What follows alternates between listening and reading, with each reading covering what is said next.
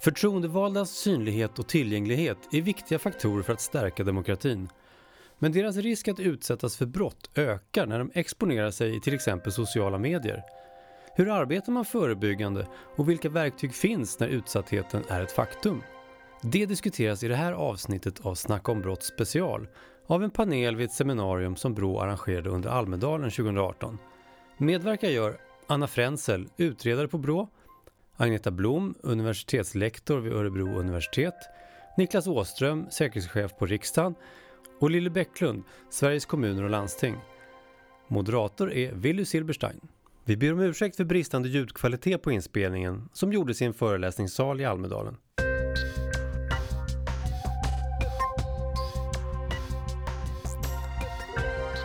Jag heter alltså Willy Silberstein, ska moderera här och upplägget är Anna Frenzel från BRÅ inleder och sen kommer jag att ställa några frågor till varje panelist när jag plockar upp dem efter ett samtal. Och sen är också ni varmt välkomna att eh, ställa frågor.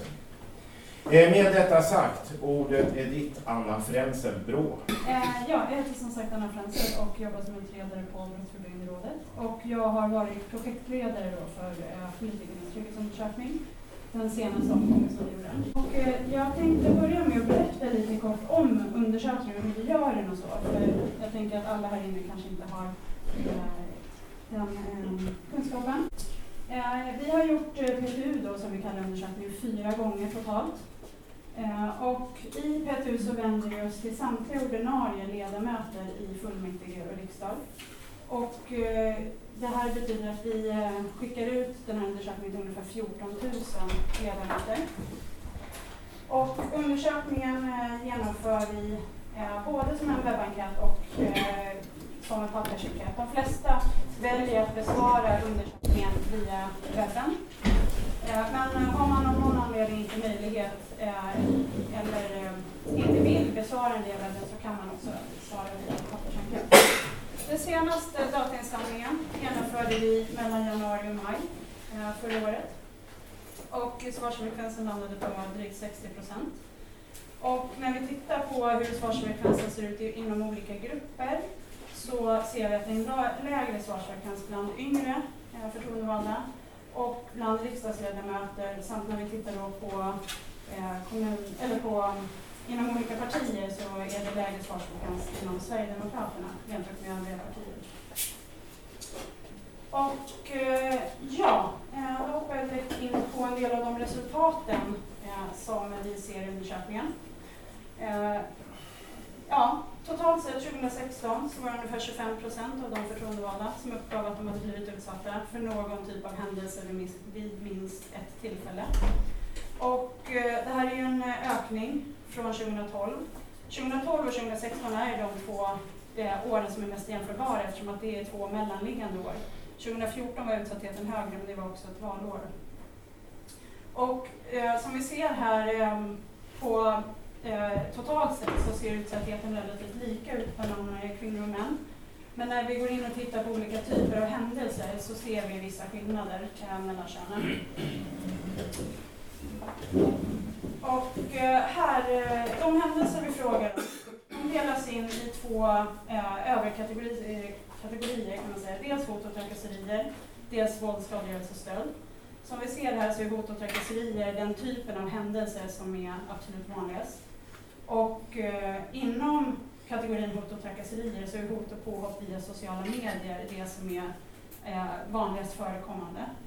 Och det är också den typen av händelser som har ökat mest mellan de här två mellanliggande åren, då, 2012 och eh, 2016. Och eh, när vi tittar på våldsskadegörelse och stöld så var det ungefär 4 procent av de förtroendevalda som uppgav att de utsatts för det under 2016. Eh, ungefär hälften av de här händelserna eh, härrör liksom till någon form av våld mot person. Ofta handlar det om knuffar eller liknande. och Det är mer ovanligt med Eh, grövre eh, typer av våldshändelser. Vi ser också att det är vanligt att man utsätts vid upprepade tillfällen. Eh, ungefär 80 procent av de som blev utsatta de uppgav att det hände vid minst två tillfällen. Tittar vi här inom eh, hur utsattheten ser ut inom de olika politiska församlingarna så ser vi ungefär samma mönster för eh, de samtliga tre åren, 2012, 2014 2016. Det är störst andel som uppger att de utsatts inom riksdagen. Här ska man också komma ihåg att eh, riksdagen i sig är ju en liten eh, grupp människor jämfört med de som sitter i kommun och landstingsfullmäktige. Eh, och mönstret skiljer sig också lite åt när vi tittar på riksdagen, för där ser vi att andelen utsatta är högre 2016 jämfört med både 2012 och valåret 2014. Men som sagt, det är en liten grupp personer som, som det handlar om. Vi ser också att de politiker som utövar sitt uppdrag på heltid uppger i högre utsträckning att de har blivit utsatta jämfört med de som eh, utför sitt uppdrag antingen på deltid eller eh, på fritiden. Här eh, ser vi också utsattheten inom olika partier. Och, eh, samtliga år så är andelen utsatta högst inom Sverigedemokraterna. Och eh, det vi, samtliga partier här följer ju mönstret för eh, när vi tittar på den totala utsattheten, det vill säga det är högst 2014 följt av 2016 som då i sin tur är, har, är högre utsatthet än 2012. Eh, men eh, Miljöpartiet och Socialdemokraterna följer inte riktigt samma mönster. Vi har också tittat på, eh, för som jag nämnde tidigare så är hot och påhopp via sociala medier den vanligaste typen av händelser. Och eh, det vi ser på den här bilden är då utsattheten eh, efter, utifrån i vilken grad man själv uppger att man faktiskt är aktiv på sociala medier. Och det vi ser där är eh, ganska logisk, eh, logiskt mönster att ju mer eh, i ju större utsträckning man uppger att man faktiskt är aktiv på sociala medier, desto högre är också utsattheten. Och det här mönstret ser vi ju bland både kvinnor och män. Och vi ser också jämfört med tidigare år att andelen förtroendevalda som uppger att de är aktiva på sociala medier ökar också eh, över åren. Och vi ställer en liknande fråga kring eh, eh hur, eh, i vilken grad man upplever att man är känd av allmänheten. Och där ser vi också samma mönster, att i ju högre grad du är känd av allmänheten, desto högre är också utsattheten. Ja, eh, sen är det så att de förtroendevalda som uppger att de har blivit utsatta, de får eh, ge en beskrivning av den senaste händelsen, det vill säga vi ställer ganska mycket följdfrågor om den senaste händelsen. Och om man har blivit utsatt både för hot och trakasserier och våldsskadegörelse ställs med de här två övergripande kategorierna, då får man också följdfrågor om den senaste händelsen inom båda kategorierna. Och här är det viktigt att vi kommer ihåg att det handlar om den förtroendevaldas egna upplevelse och av händelsen och bedömning av eh, förövaren. Och eh, totalt sett så har vi fått in uppgifter då på de här följdfrågorna om ungefär 2300 händelser. Och eh, vid ungefär 40 procent av de här händelserna så var förövaren en okänd person anonym för, för den förtroendevalda. Och det vanligaste är att förövaren är en person som agerar ensam utifrån då vad som förekommer, eller vad som framkommer av händelsen, och att det är en eh, man. Ja, eh, vilken typ av förövare är det då som de förtroendevalda uppfattar att de blir utsatta för? Det vanligaste eh, det är ju eh, att man uppfattar förövaren som en förargad medborgare följt av en eh, rättshaverist. Men det är ändå också eh, vid ungefär 10 procent eh, av händelserna så uppfattar förövaren eh, att den, eh, eller den förtroendevalda uppfattar att förövaren är en förtroendevald från ett annat parti. Och det förekommer ju även att man blir utsatt av en förtroendevald från samma parti, även om det inte är lika vanligt. Vi frågar också om eh, de förtroendevalda uppfattar att förövaren tillhörde någon form av eh, grupp. Och det vanligaste som vi ser på staplarna längst till höger är att man inte uppfattar att förövaren tillhörde någon grupp. Men bland de grupper som de fördefinierade typerna av grupperna vi frågar om så är det vanligast att man förknippar händelsen eller förövaren med en eh, högerextremistisk eller rasistisk grupp. Och andelen händelser där man förknippar förövaren med en högerextremistisk grupp har ökat successivt för, för varje år vi har gjort undersökningen. Så att, eh, det här är ju då siffrorna för 2016 och det är den största andelen händelser eh, som eh, kopplas då till optimistisk grupp jämfört med tidigare år. De förtroendevalda får ju också svara på vad de själva förknippar eh, den händelsen med. Och det vanligaste är att man förknippar händelsen med en särskild politisk fråga man har jobbat med. Eller ett uttalande eller en opinionsyttring man har gjort. Men det är också en del eh, händelser som förknippas med eh, beslut som man har tagit eller som man är på väg att ta. Och eh, det här är också kopplat lite till vad man tror att förövaren vill uppnå med sitt handlande. Ehm, det vanligaste är att man tror att den, eller att man upplever att förövaren ville förödmjuka eller förolämpa sin. Men också eh, ganska vanligt att man upplever att eh, förövaren ville påverka ens agerande eller beslutsfattande. Men också visa missnöje. Ja, eh, Sen ställer vi även frågor om man har, eh, dels om man har polisanmält eh, den senaste händelsen man har varit med om, eh, men också om man har rapporterat det till någon annan än polisen. Och det vi kan se är att ungefär 19 procent av händelserna uppges ha blivit polisanmälda. Och det här har legat på en ganska stabil nivå över åren, så det verkar inte hända så mycket med eh, anmälningsbenägenheten.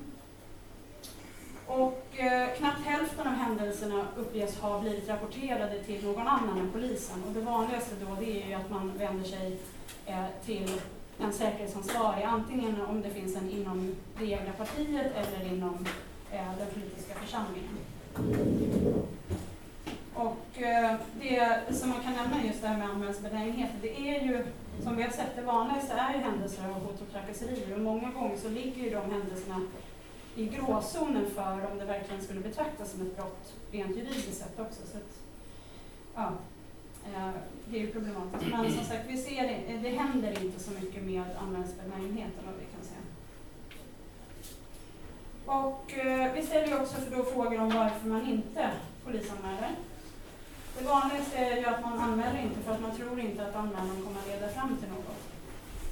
Och eh, det är också ungefär 22 procent som uppger att man anmäler inte för att man betraktar det som har hänt som en del av ens uppdrag.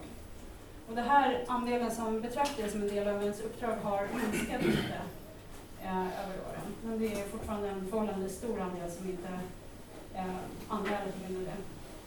Men också ungefär 20 procent som inte anmäler för att man upplever det som har hänt som en småsak eller en bagatell.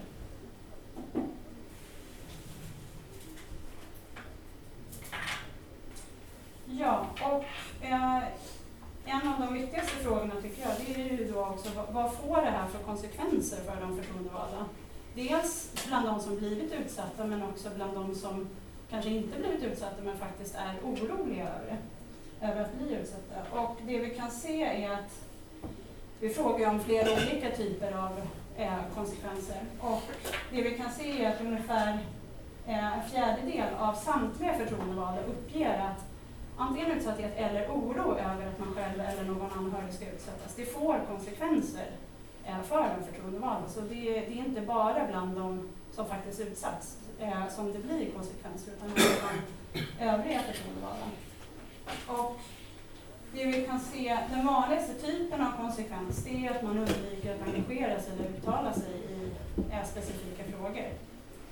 Och eh, det är också ganska vanligt att man tvekar inför en åtgärd eller ett beslut, vilket inte är så konstigt med tanke på siffrorna vi såg tidigare. Ehm, och eh, även att man överväger att lämna antingen ett specifikt uppdrag eller samtliga sina uppdrag. Däremot så kan vi inte se att det är så jättemånga som faktiskt har lämnat sina uppdrag. Men eh, det verkar ändå vara förhållandevis vanligt att man, man överväger huruvida man ska lämna eller inte. Och sett, när, när, sett över tid så kan vi se att eh, konsekvenserna har liksom också, alltså andelen förtroendevalda som uppger att det här får konsekvenser har ökat över tid.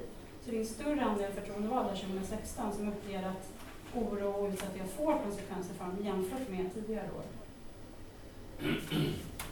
Ja, jag stannar där. Tack för det. Eh, du, eh, om man ska summera så kan man sammanfatta det du har sagt att utvecklingen går åt fel håll det, är mycket som pekar mot att problem fortsätter, eller hur? Ja, vad vi kan se hittills ja.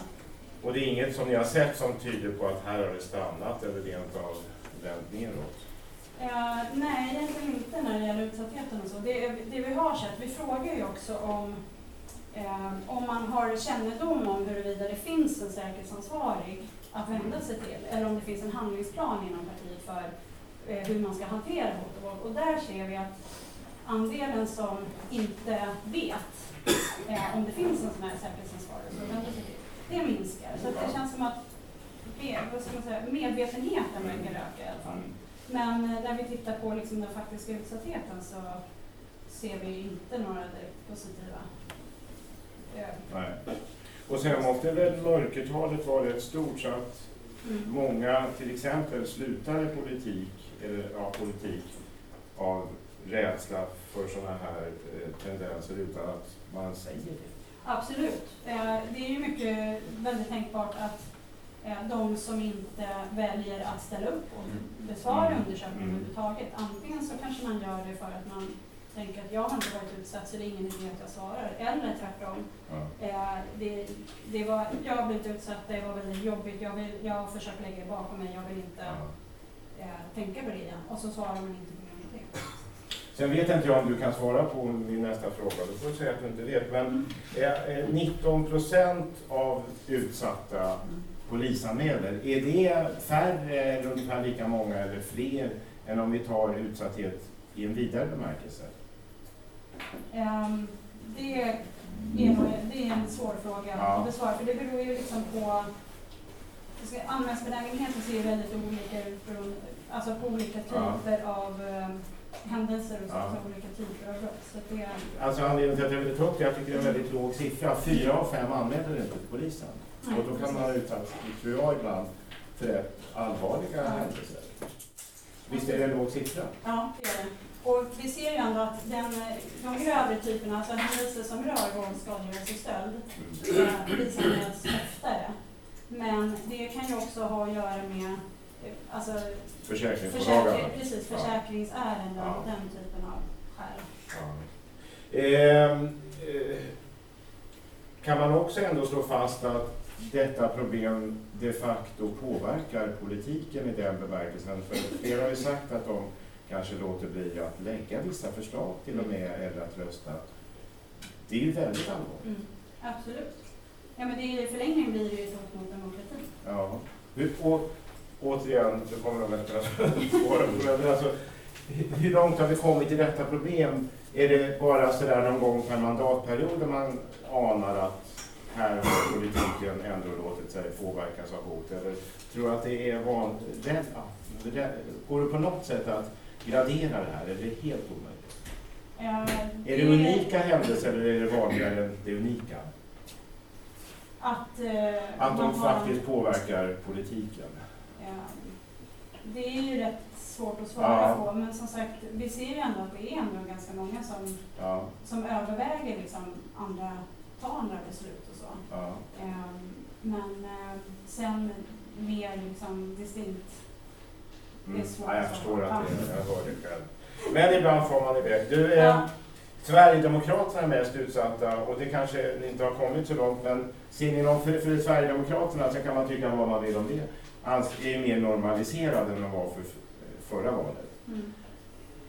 Räknar ni med att, det kommer, att just de inte kommer att sticka ut lika mycket? Det kanske är svårt att svara på också. Det går inte riktigt att svara på. Vi har ju fått ett förnyat uppdrag nu, okay. eh, regeringsuppdrag, så vi ska titta på eh, utsattheten under valåret 2018. Ja. Eh, ska vi göra. Men eh, hur, det, hur utvecklingen kommer att se ut framåt är lite svårt. Ja. Tack Anna så här långt. Du kan väl ställa dig vid ett bord och bara njuta av nästa talare. Ja, och nästa talare är Agneta Blom, före detta sekreterare för den statliga utredningen Hot och våld mot förtroendevalda och andra uppdrag. Agneta, när du eh, hör Anna här, vad, är det din, din bild du känner igen? Ja, jag åker ju runt och utbildar om det här rätt mycket, så att jag är lite den här rörelsen själv. Ja, så att jag, och den, den bilden som finns i den här PTU stämmer väldigt väl överens med den första bilden. Hörs det? Ja, Ja. Eh, som stämmer överens med den bild som vi gjorde i utredningen mot våld mot förtroendevalda. När vi gjorde den första kartläggningen så var det generella mönstret så ungefär likadant ut. Så bilden var egentligen inte, den är, det är så här det ser ut och har sett ut ända sedan 2005 då vi gjorde den första. Och där trenden hittills har varit att det blir ett, ett, ett, ett växande problem. Eh, det är en lurig fråga, för jag tror att det är en kombination kanske av att vi har fått ett hårdare samhällsklimat och att det har blivit okej att berätta om det. Okay. För jag tror inte att bara, alltså det är fortfarande så, vi ska vara väldigt noga med att säga att det finns kanske, det finns få länder i världen där det är så säkert att vara politiskt aktiv som det är i Sverige. Vi hade val i Mexiko förra veckan. Jag har glömt hur många politiker som mördas i Mexiko. Väldigt många. Men det var väldigt många. Så vi ska komma ihåg att vi fortfarande lever i ett av världens tryggaste länder, även i detta avseende. Jag tycker vi måste ändå hålla det, vi måste hålla båda tankarna i huvudet.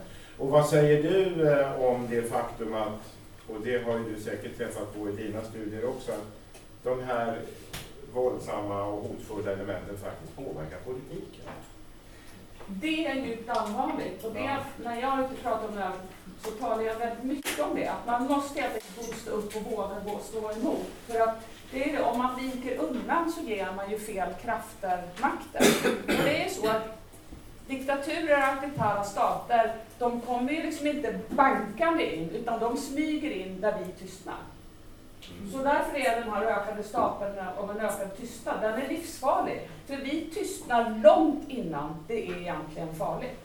Man känner nu blir det obehagligt, då tystnar vi. Och så testar man inte var gränserna går. Så. Och då ger vi makten till onda krafter mycket, liksom utan att de, de kan inte stå med armarna korsa.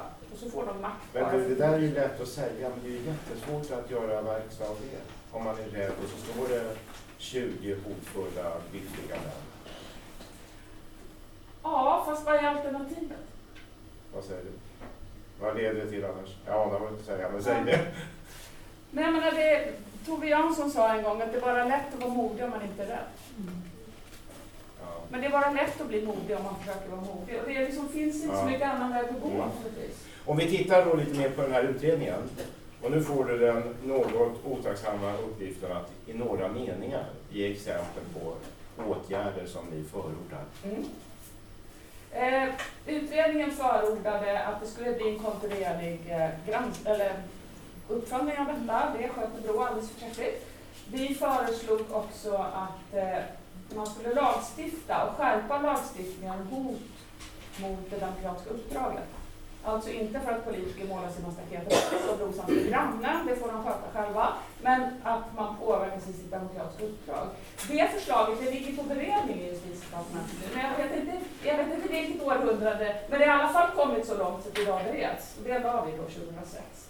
Och det handlar om att se till att, precis som man gör med en myndighetsutövande tjänsteman, att det faktiskt är själva uppdraget, själva beslutet som hotas som ska kunna ha skärpt lagstiftning.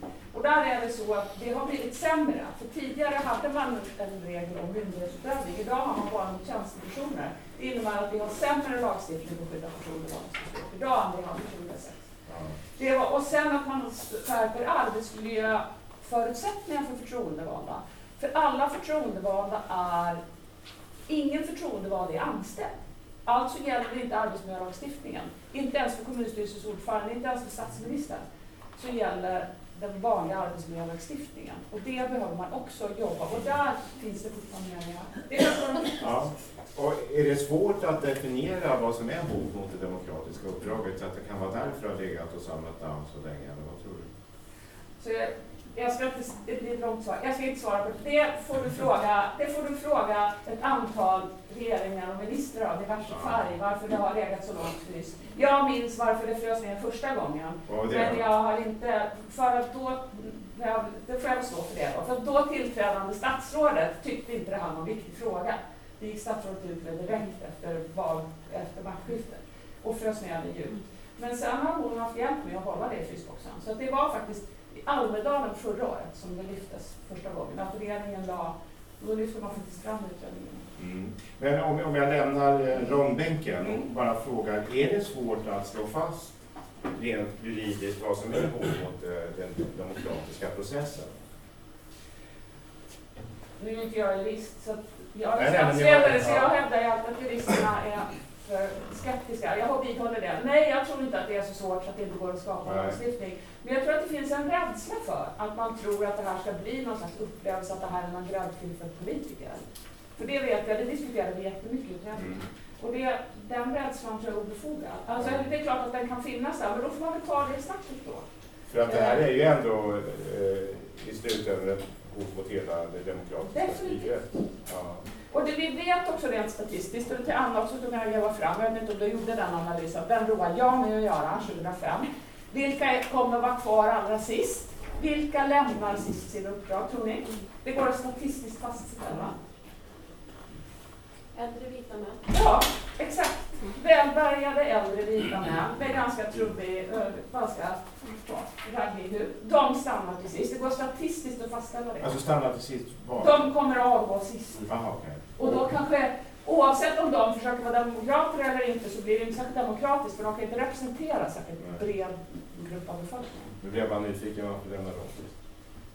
Ja, det kan man fråga. Det är en vem vi ska ta den långa diskussionen. Det kan vi också resonera om länge. Ja. Ja. Ja. Eh, får jag en sista fråga innan jag tar upp nästa talare och jag fattar att inte heller du har ett sådär faktabaserat svar men ser du någonting som tyder på att de här problemen är avtagande? Eller ser du en ökad risk för att det här blir värre?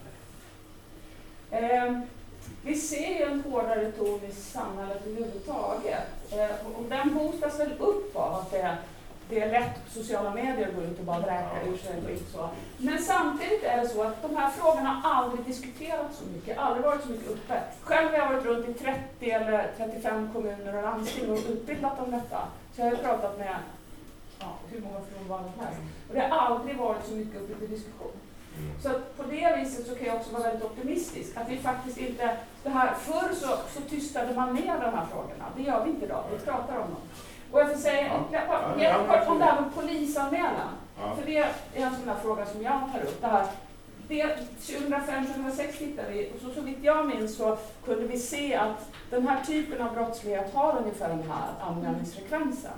När jag är ute och pratar med förtroendevalda så får jag ofta, ja men det lönar sig inte för polisen kommer i alla fall att lägga ner och så. Och då är mitt första svar, det är inte argument. För vad polisen gör spelar ingen som helst roll. Men om kommunstyrelsens ordförande står och säger att det är ingen idé att anmäla för polisen kommer för att utreda. Den ensamstående kvinnan som är misshandlad av sin man då, vad ska hon göra då? Om maktens företrädare säger att man inte anmäler. Sen vad polisen gör i nästa led, det får ju vara en annan femma då.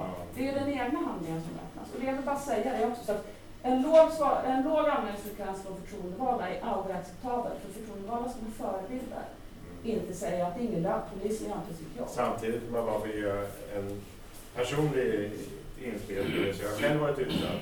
Och att ringa till polisen och vänta en timme innan man överhuvudtaget kommer fram, det gynnar ju inte anmälningsfrekvensen. Det håller jag med om. Men det är en annan femma. Absolut, men absolut. Det är bara en del av verkligheten då. Tack så här långt Agneta. Du står kvar ber jag och så ber vi Niklas Åström, säkerhetschef på riksdagen, att komma fram. Kliv upp Niklas, välkommen upp. Tack ska du ha. Du jobbar ju med de här frågorna, vad gör du? Ja, men jag är precis som du säger, jag är säkerhetschef vid riksdagsförvaltningen, den myndigheten, så stödjer riksdagsledamöterna. Enkelt sett ska vi säga, vi ska ge dem ett professionellt stöd. Ja, vad gör det konkret? Ja, mer konkret så ansvarar jag för att det ska bli säkerhet Ja. som ska då på något sätt Och vilket förebygga och, och hantera Ja. sånt här. Men om en ledamot är utsatt, vad händer då från din, din horisont? Ja, men om vi pratar om eh, till exempel hot och hat Ja. så har det handlat väldigt mycket om att egentligen redan innan, stadiet innan en ledamot blir hotad, att man har eh, ja, bedrivit ett förebyggande arbete. eh, Där, där liksom mer konkreta enkla saker. Vi, vi samverkar ju väldigt mycket med partierna och på riksnivå i riksdagen så har ju partierna partikanslier. Där finns det idag ansvariga chefer, säkerhetsansvariga. Det är en jätteviktig kontakt för oss. Och vi stödjer dem i att ha just rutiner, handlingsplaner för att hantera hot.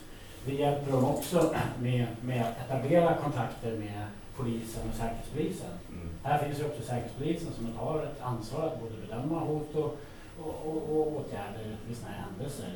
Men det handlar mycket om att ha ett eh, maskineri som fungerar väl när det inträffar. Men för, för att det ska göras så behövs det en hel del liksom, förarbete. Ja, och eh, hur, hur ser det ut nu? Det här låter ju fint och så, men funkar det? Jag ska säga så, det har inte alltid funkat, det funkar inte all, alltid bra. Men, men det går att få till. Jag vill hävda att på riksnivå, nu, nu precis som Anna säger, riks, riksdagen är väldigt liten om vi tittar på det demokratiska systemet. Samtidigt som det är väldigt viktigt, det är de yttersta företrädarna på nationell nivå. Men under fem, sex år har det hänt väldigt mycket. Säkerhetsfrågorna har blivit prioriterade i, i riksdagen när det gäller det gäller hela hotskalan. Nu pratar vi ju liksom om, om hot mer mot kanske individnivå, hur det påverkar, men vi får inte glömma bort den yttersta delen på hotskalan, vi pratar allvarliga terrordåd. Det är någonting som, som jag också får arbeta med, som påverkar den enskilda ledamoten. Man känner oro för sånt också, givetvis. Jag vet inte, alltså, Anna har ju statistik, men det, av det du ser, har du siffror på hur vanligt det är av det du ser över procent? Ja. Ja. Men jag delar ju resultatet mycket i, i Brås undersökning, hur, Ja. hur, hur min Sätt mina medarbetare- sätt dina ord på hur, hur, hur stort problemet är då, om du kan. Ja, men man kan säga att de flesta riksdagsledamöterna har liksom får förhålla sig till det här. Det ligger i deras natur givetvis att vara exponerade, att komma ut för, för, ut sitt budskap. De vill ju påverka. Många av dem blir nationella talespersoner i svåra frågor där media liksom exponerar dem, de själva är exponerade. Självklart så är de utsatta. Eh, Det sker hela tiden och det sker kanske mer i samband med drev eller, när frågor är mer aktuella. Eh, Jag vill hävda att den stora skillnaden under de senaste åren det är de sociala mediernas utslag. Liksom. Det tänjer Ja. gränsen. Så du frågar ju här, liksom, går det att få stopp på en negativ trend? Men, men det där går ju hand i hand. Man, Och, och det betyder att för många blir ju väldigt djärva när man sitter anonym bakom tangentbord. Men det får mer fysiska konsekvenser också, eller det är risk för det. det får ju fysisk påverkan på, på en... Men jag menar, kan det trigga andra att ytterligare ja, bli våldsamma eller vad vet jag? Det är klart att man kan... eh, det, den bedömningen, den, den gör inte vi egentligen. Den brukar vi låta Säkerhetspolisen och polisen göra vad gäller aktörernas för, förmåga. Så. Men, men givetvis ser man att, att på nätet finner de ju varandra, de som hotar. Ja. Och, och då, då blir man ju mer utsatt Ja. som riksdagsledamot givetvis. Om, om vi tittar nu i den här mandatperioden i praktiken slut, har, har problemen blivit större under de här fyra åren?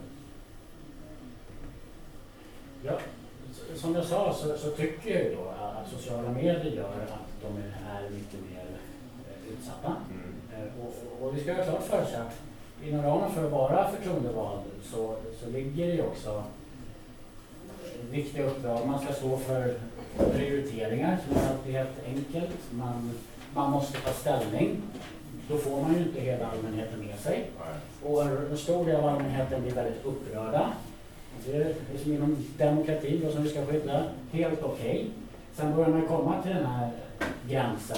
Som kanske, ä- ä- för det är ju upplevd, upplevda liksom, eh, utsattheten i form av påhopp och hot. För någonstans får man komma ett påhopp. Du är värdelös som moderator. Du är liksom... Någonstans sen kommer liksom rent brottsliga. Så jag, jag medvetenheten är mycket större sen än ledamot när, när det börjar gå över gränsen.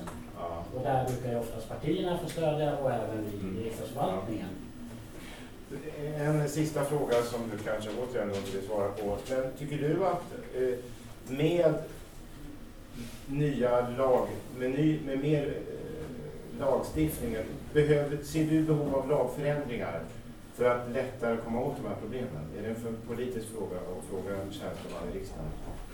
Nej, det kanske det inte är. Jag, jag, jag delar ju liksom... Jag har funderat mycket på det här. Att Ja. ska politiker, det finns ju många grupper i samhället som är särskilt utsatta. Mm. Eh, Det finns ju alltid en risk för politikerförakt och och sådär om de skapar en egen lagstiftning. Eh, Det viktiga är ju att att man får rätt verktyg att, eh, att utreda brott. Ja. Och det är mycket på sociala medier. Ja. Att kunna hitta vem som är förövare. Så det, det skulle, för framgång i brottsutredningen, vi har ändå haft några under året där riksdagsledamöter har blivit utsatta. De har gjort allt. De har kontaktat säkerhetsansvariga, de har gjort polisanmälan, polisen har med framgång gjort en förundersökning via domstol, pang, fällande domar. Både Sofia Arkelsten, Ja. Linda Snecker. Det, så det, det är ju faktiskt förövare som döms och det är väldigt effektivt. Och det önskar jag mest. Och sen tror jag andra är att man får resurser, antingen via extra medel eller prioriteringar för just eh, personer som jobbar med det här. Att en förtroendevald vet vem ska jag kontakta när jag blir utsatt. För precis som du beskriver, att ringa polisen om det inte är akut, då får man vänta vänta väldigt länge. Men att det finns någon i, i sin församling eller i partiet som kliver in och tar det här ansvaret. Mm. Tack så här långt eh, Niklas. Och nu sista panelisten, vad tråkigt det låter med ordet panelist. Sista person, sista härliga människa som ska komma fram här. Det är Lilly Bäcklund från SKL, Sveriges kommuner och landsting. Lilly, välkommen. Tackar. Varför är du här? Jag eh, fick, eh, jag fick en fråga i Demokratiberedningen som jag är en av ledamöterna i SKL. Eh, det inte var jag, hela gruppen fick det därför att den som egentligen skulle ha stått här hade fått förhinder. Mm. Eh, och frågan var lite kryptisk, är det någon som är i Almedalen på torsdag? Och jag sa Ja. ja. Men det finns fler skäl, så jag var egentligen ute efter vad gör SKL i de här frågorna? De gör massor med saker och eh, det är oerhört viktiga saker därför att vi får aldrig tillåta att det som är huvudtemat här idag blir, får tillåtas fortsätta växa eh, ännu mer. Och ni har ju då i första hand kontakt med kommun och landstings eh. Sveriges kommuner och landsting det är ju en eh, intresseorganisation för förtroendevalda i kommuner, i landsting, i regioner och eh, har då en struktur för det och gör ett enastående bra Och då skulle jag vilja fråga dig, vad är din bild av utsatthet för den grupp förtroendevalda som finns inom SKL, eh, SKLs hägn? Den eh, speglar ungefär det som Anna inledde med i undersökningen. liksom. Så att det, det är ingen, vi är helt eniga i det som har kommit fram där. Däremot så skiljer det sig över landet beroende på hur stor eller liten kommunen är. Eh, hur man upplever tryggheten eller hur man upplever rädslan. Därför att eh, sen har vi också som, som individer olika sätt att förhålla oss till vad som är rädsla och vad som är trygghet. Därför att jag kan ju möta, jag kommer från en mindre kommun med 12 300 invånare. Jag möter dem dagligen och har gjort det under mina år som förtroendevald. Eh, Lever jag i en större eller medelstor kommun så kanske jag inte möter dem lika frekvent. Har, har du själv varit utsatt? Jag har fått lära mig att eh, jag eh, svarar varken ja eller nej på det, för det kan trigga om jag har varit utsatt. Eh, men eh, jag tvekar inte att anmäla till polisen om det skulle vara så att någonting Mm. inträffar. Och jag uppmanar samtliga eh, som är förtroendevald att göra det. Därför att även om min anmälan inte leder till någonting så finns det ändå en bild när sedan du och dina medarbetare utifrån sin profession ska göra en kartläggning så kan man se ett visst mönster.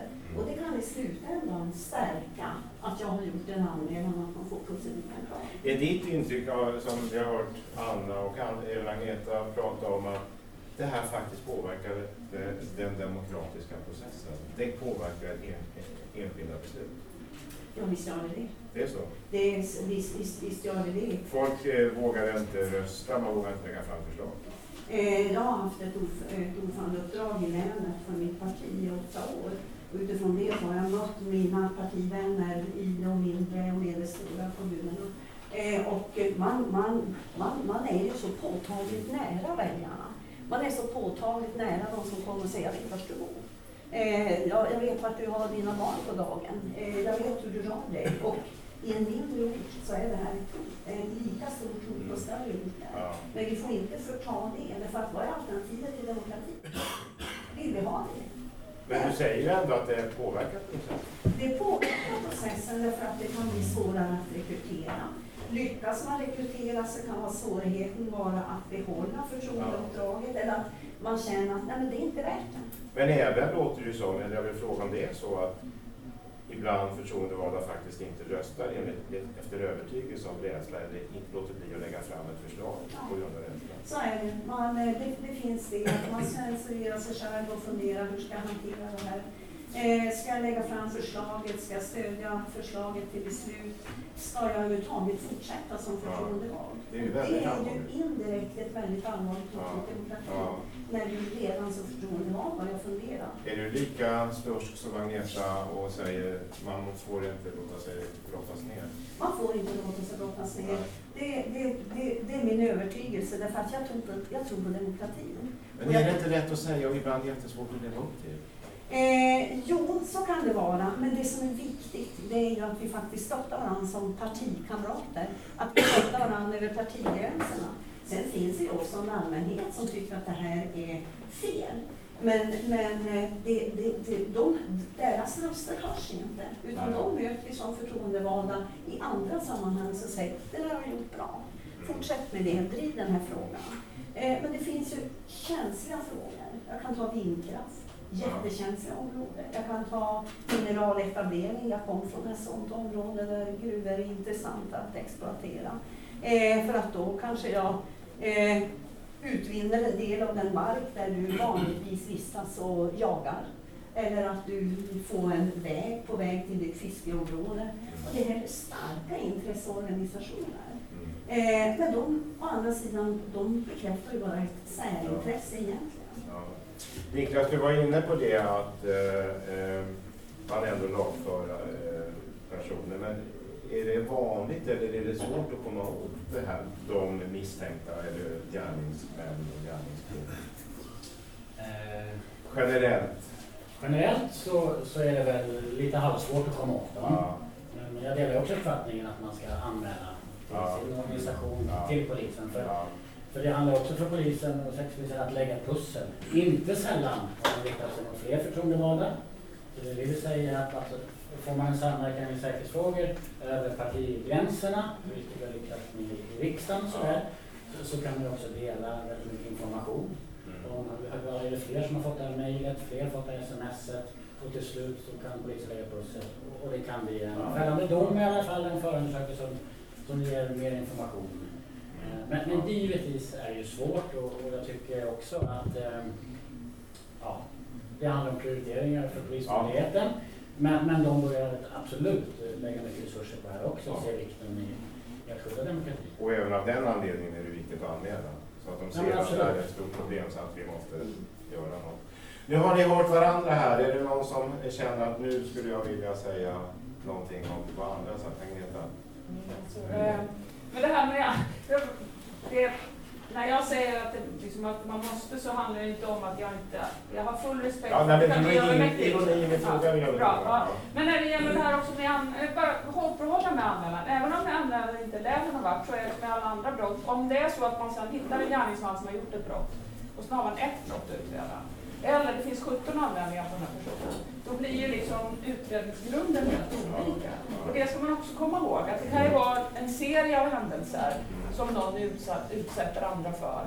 Och har man då anmälningar på alla de händelserna, om man väl tar den här personen när den gör ett misstag, så har man ju liksom en bättre grund för att faktiskt komma åt grunden. Och komma åt också, för det, här, det finns ju en människa bakom brottslingen också sen som är så här, det här det är ju människor. Men innan man är där så tycker jag att det är jätteviktigt att man faktiskt eh, stöttar och bekräftar varandra som förtroendevalda oavsett partifärg och över partigränserna. Därför vi tillhör samma gruppering, vi vill jobba med demokratifrågor. Och är valda av medborgarna? Och valda av medborgarna. Men sen finns det ju en eh, makt som vi inte har i det här rummet just nu och det är medias makt. Eh, hur, hur väljer de att eh, presentera Menar du att media idag presenterar på ett sätt som förstärker de här problemen? Det kan finnas sådana. Hur kan det se ut? Eh, det beror alldeles på hur man presenterar förslaget till beslut. Det kanske inte ens är ett förslag till beslut, det kanske är en utredning. Mm. Men man kanske skriver att man har beslutat allt. Ja. Och då ju genast en irritation. När har vi fått delta i den här debatten som medborgare? Ja. Eh, så jag tycker att media har en också viktig Ja. Tycker du även när media rapporterar om hot och så, eh, att det förstärker problemen? Det beror, alltså det beror alldeles på hur man nyttjar tangentbordet och hur man, hur man, hur man presenterar det. Men jag tycker att på många, eh, lo, i många lokala tidningar Mm. så har man en tyck till. Och där får man tycka precis vad man vill. Och det är ju en medborgerlig rättighet. Men tidningarna tar inget ansvar för det som skrivs. Är det på nätet man tycker Det är på nätet. Ja. Och där kan ju en sten bli väldigt snabbt nedspottad. Ja, jag förstår det. Jag kan haka på där. Jag, jag, kan tycka, jag håller med. Det skiljer sig lite vad, vad som ligger bakom. För om man tittar på generellt i sakfrågor så, så finns det ju en, kanske en rädsla att, man lägger fram ett dåligt förslag som, som väcker. Mm. Sen finns det ju många av de här hoten och haten som triggas igång av personliga delar. Liksom hur, man, hur man ser ut eller hur man ja, framför sitt budskap. Eller, ja, vad, vad, vad för ursprung eller den delen. Så det är lite skillnad där. Ja, ja. Anna, kommer Brå fortsätta göra de här studierna? Ja, som sagt, vi har ju fått ett nytt regeringsuppdrag Ja. nu för att göra undersökningen och titta på utsläppen under 2018. Och när kommer den rapporten? Den eh, ska publiceras i november 2019. Aha.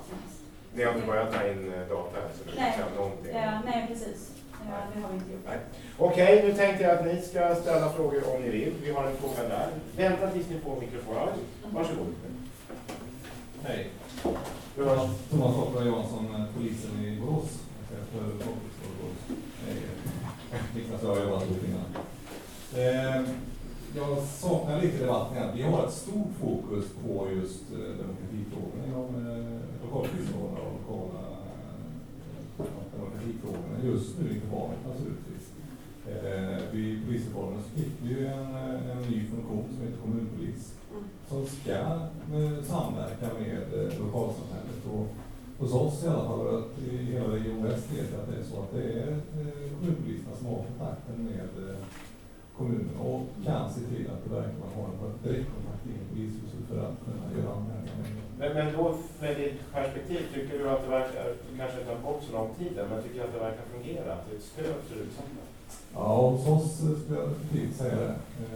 Eh, ja, nu är jag extra engagerad, men eh, även jag har alltså tagit kontakt med, med kommunalråd eller politiker och som blivit utsatta och för att få en kontroll sen att det verkligen fungerar den när de som de har anmält. Men ofta så finns den här tron att nej, men det eh, polisen gör ingenting. Och det är därför jag vill för antalet sitter ett antal förtroendevalda här att, att gå ut i organisationer och visa tillit till polisen för vi står till det förfogande. Och, och ni söker upp eh, där ni ser att det kan vara en utsatthet? Absolut. Det, Och eh, är tanken också att om ni, kommunpolis kallas det, kommunpolisen. att det, är- att det är närmare och att är tanken då att det ska kännas lättare att kontakta er? Är det så? Ja, det, det var ju ett, eh, det var en av de största delarna, eller eftergiften kring eh, när vi blev då, den här stora myndigheten och som tappade lokala perspektivet trodde man. Men det är en superlyckad lösning, kommunpolisen, där man verkligen har kunnat sy ihop civilsamhället med polisens förebyggande arbete. Och, det har verkligen ökat förtroendet för polisen, eh, framförallt. Nu blev du halvpanelist frågar. Men, alltså, eh, Niklas var, eh, var- var lite försiktig, helt okej. Men ser du något behov av ytterligare förändringar, någonting som ytterligare kan göras för att stärka skyddet för våra förtroendevalda?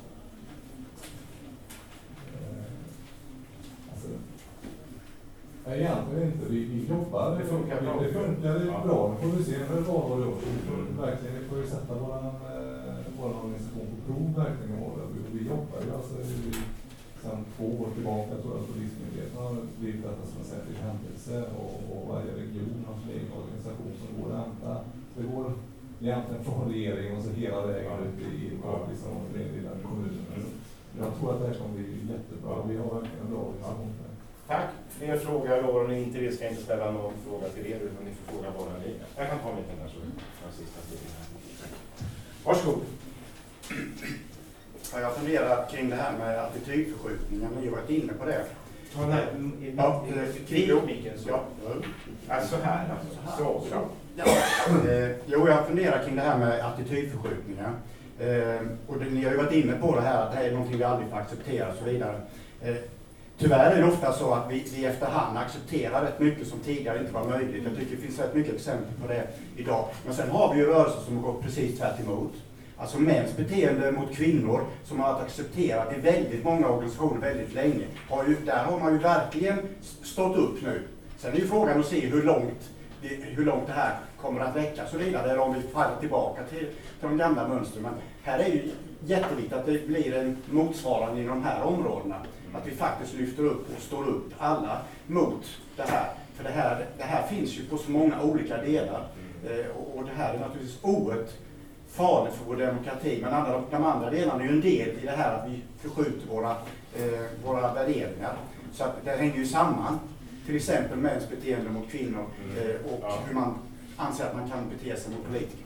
Tack. Tror ni att metoo kan positivt påverka de frågor vi diskuterar här?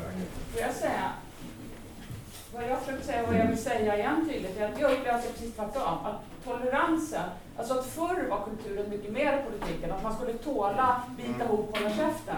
Det finns inte idag på samma sätt. Och då ser vi också den ökande risken att man hoppar av, för att man känner att stödet brister. Så jag tycker nog, det här är jag väldigt optimistisk, jag tror att jag tar. Får jag bara säga så, jag har en väldigt positiv bild av polisens engagemang i den här, berätta. Det är särskilt i väst, men det, vi kan ta det sen. Men jag, jag, jag tror, jag vet att polisen gör en mycket bra jobb. Lilly vill också säga något. jag. Börjar med att kommentera ditt, eh, dina tankar kring polisen. Jag vill också bekräfta att Region Nordpolisen har gått ut, bjuda in gruppledarna i respektive kommun. Då är det upp till gruppledarna att ta sig an. Och det är redan vid den här tiden, inför valet särskilt, vad är det vi ska tänka på, hur ska vi förhålla oss och hur ska vi samverka för att förebygga att saker och ting inträffar. Eh, du redovisar ju Anna i en av staplarna att det fanns de som sa som en del av ens uppdrag. Alltså den stapeln vill jag ju nästan inte se nästa undersökning. Därför att då, då har ju demokratin tappat. Då har ju tilltron till demokratin och den processen att ta fram förslag till beslut i ett samhälle, det har ju den mest urholkats. Men du, där vi är. Det, ja, vi är där, men vi måste se till att det blir ett stopp. Och jag menar att den, den stapeln får inte öka. Den måste Den, minska. den har ju minskat. Ja, men vi får aldrig tillåta att den, att den, att den förstärks. Absolut. Varsågod, nästa frågeställare. Varsågod. Anders Fransson, Region Kronoberg. Jag har jobbat som tjänsteman. Och, eh, jag blev lite förvånad över den här siffran. Eh, Det går ju hett till i debatten och så vidare. Inom politiken och en hel del påhopp och annat. Men att 10 procent eller över är hot från andra Ja, partikamrater. den- Det är ju fullständigt bedrövligt. Och mer än skulle jag 20 vilja säga. procent av politiker. Ja, eh, vad, vad gör man åt detta? Det är ju det är inte klokt. Skulle detta ske inom en arbetsplats för oss tjänstemän, då får man ju sparken på en gång. Mm. Ja. Tack. Vem vill plocka den? Nej, men jag kan bara Ja. bekräfta det, just att tonen i debatten är ju så otroligt viktig. Och där har ju alla förtroendevalda ett väldigt stort ansvar själva. Ja. Eh, och tänka på hur man, hur man talar med varandra. För det sätter ju också på något sätt agendan för Mm. hur andra människor, till exempel via sociala medier, Mm. bemöter dem. Mm. Eller hur de kommenterar det de förtroendevalda? Det här är en av de huvudfrågor jag tar upp när jag Ja. utbildar de här. Och det är också så att Sveriges kommuner och landsting har sedan tio år tillbaka ett arbete för samtalspolitiken. Och det arbetet, det har alltid, alltså, jag har varit med från början nämligen. Det har aldrig varit sagt allt som det är idag. Så frågan är också väldigt mycket på tapeten. Och det är mycket diskussion kring vilken ton. Jag var med igår när man pratade om ungdomars engagemang i politiken. Det kräver att man har en schysst ton. För annars så säger ungdomar, ska jag vara med i det här? för?" De gör helt rätt i det. Ja. Så att det, man kan optimi- det är väldigt problematiskt, men det är nämligen väldigt enkelt att göra åt. Vi kan börja här hos oss själva. Var och en har ett ansvar. Vi kan bara påverka vi själva gör. Är man bara schysst mot andra så kan man förändra det. Ta våra vänner från KRIS. Igår när nazisterna började skrika, då ställde sig ett antal biffiga krisar upp och omringade dem och de blev väldigt tysta. Det är också ett fantastiskt initiativ tycker jag. Eh, Okej, eh, finns det någon mer fråga här ute? Då tror jag vi ska börja runda av. Och nu får ni, ja helt enkelt, en mening var. Det här vill jag att det här gänget tar med sig och kommer ihåg från detta seminarium. Anna. Lätt fråga. Du fick ju sju sekunder att tänka. Precis. Ja. Eh, Ja, nej men alltså att vi, att vi fortsätter prata om de här frågorna för att det är otroligt viktigt. Och just eh, det här med tonen i debatten. Mm. Att man, och som du sa, att man börjar med en själv och hur man, eh, Ja. hur man själv uppför sig. Ja. Agneta? Ja, jag bara hänger på där. Det bästa början är att börja med sig själv och säga, hur kan jag uppträda som en demokrat i praktiken? Hur kan jag medverka till att vi får ett schysst, fortsatt schysst samhälle? Det är ganska enkelt. Påverka sig själv. I alla fall mycket enklare än att påverka nazisterna. Ja. Niklas? Ja, nej, men är man förtroendevald så tycker jag absolut man ska ställa krav på sitt parti och sin fullmäktige, äh, sin församling att vem är ska kontakta i säkerhetsfrågor? För med väldigt enkla små medel kan man skapa väldigt mycket säkerhet. Det faktiskt och upplevd trygghet. Dessutom, om ni inte redan tagit del av den, så tog Säkerhetspolisen fram inför valåret den här boken Personlig säkerhet, där flera av oss har varit med och bidragit. Här finns det både liksom förebyggande och en rad handfasta konkreta råd. Det finns även som pdf. Så med små medel så kan man höja, bara man får igång lite samverkan med kontaktvägar. Lilly? Jag utgår ifrån att eh, frågan som ställs, om vi fortsättningsvis vill ha demokrati, att svaret på det är ja. Jag tror det. Då får vi se till att vi har det här i samtliga partigrupper oavsett nivå, där man fastställer förhållningssätt. Hur ska vi förhålla oss till varandra? Hur ska vi prata? Hur ska vi agera? Hur ska vi stötta varandra i utsatta situationer? Eh, och bekräfta varandra. Det här gjorde du bra. När du uttrycker dig så här, då uppfattar jag att det är det här du menar. Bara för att utbilda. Mm. Och sen att SKL fortsättningsvis utbildar på det sätt som man hittills har gjort. Eh, 150 kommuner hittills fler vill gärna fortsätta det. Tack. Tack.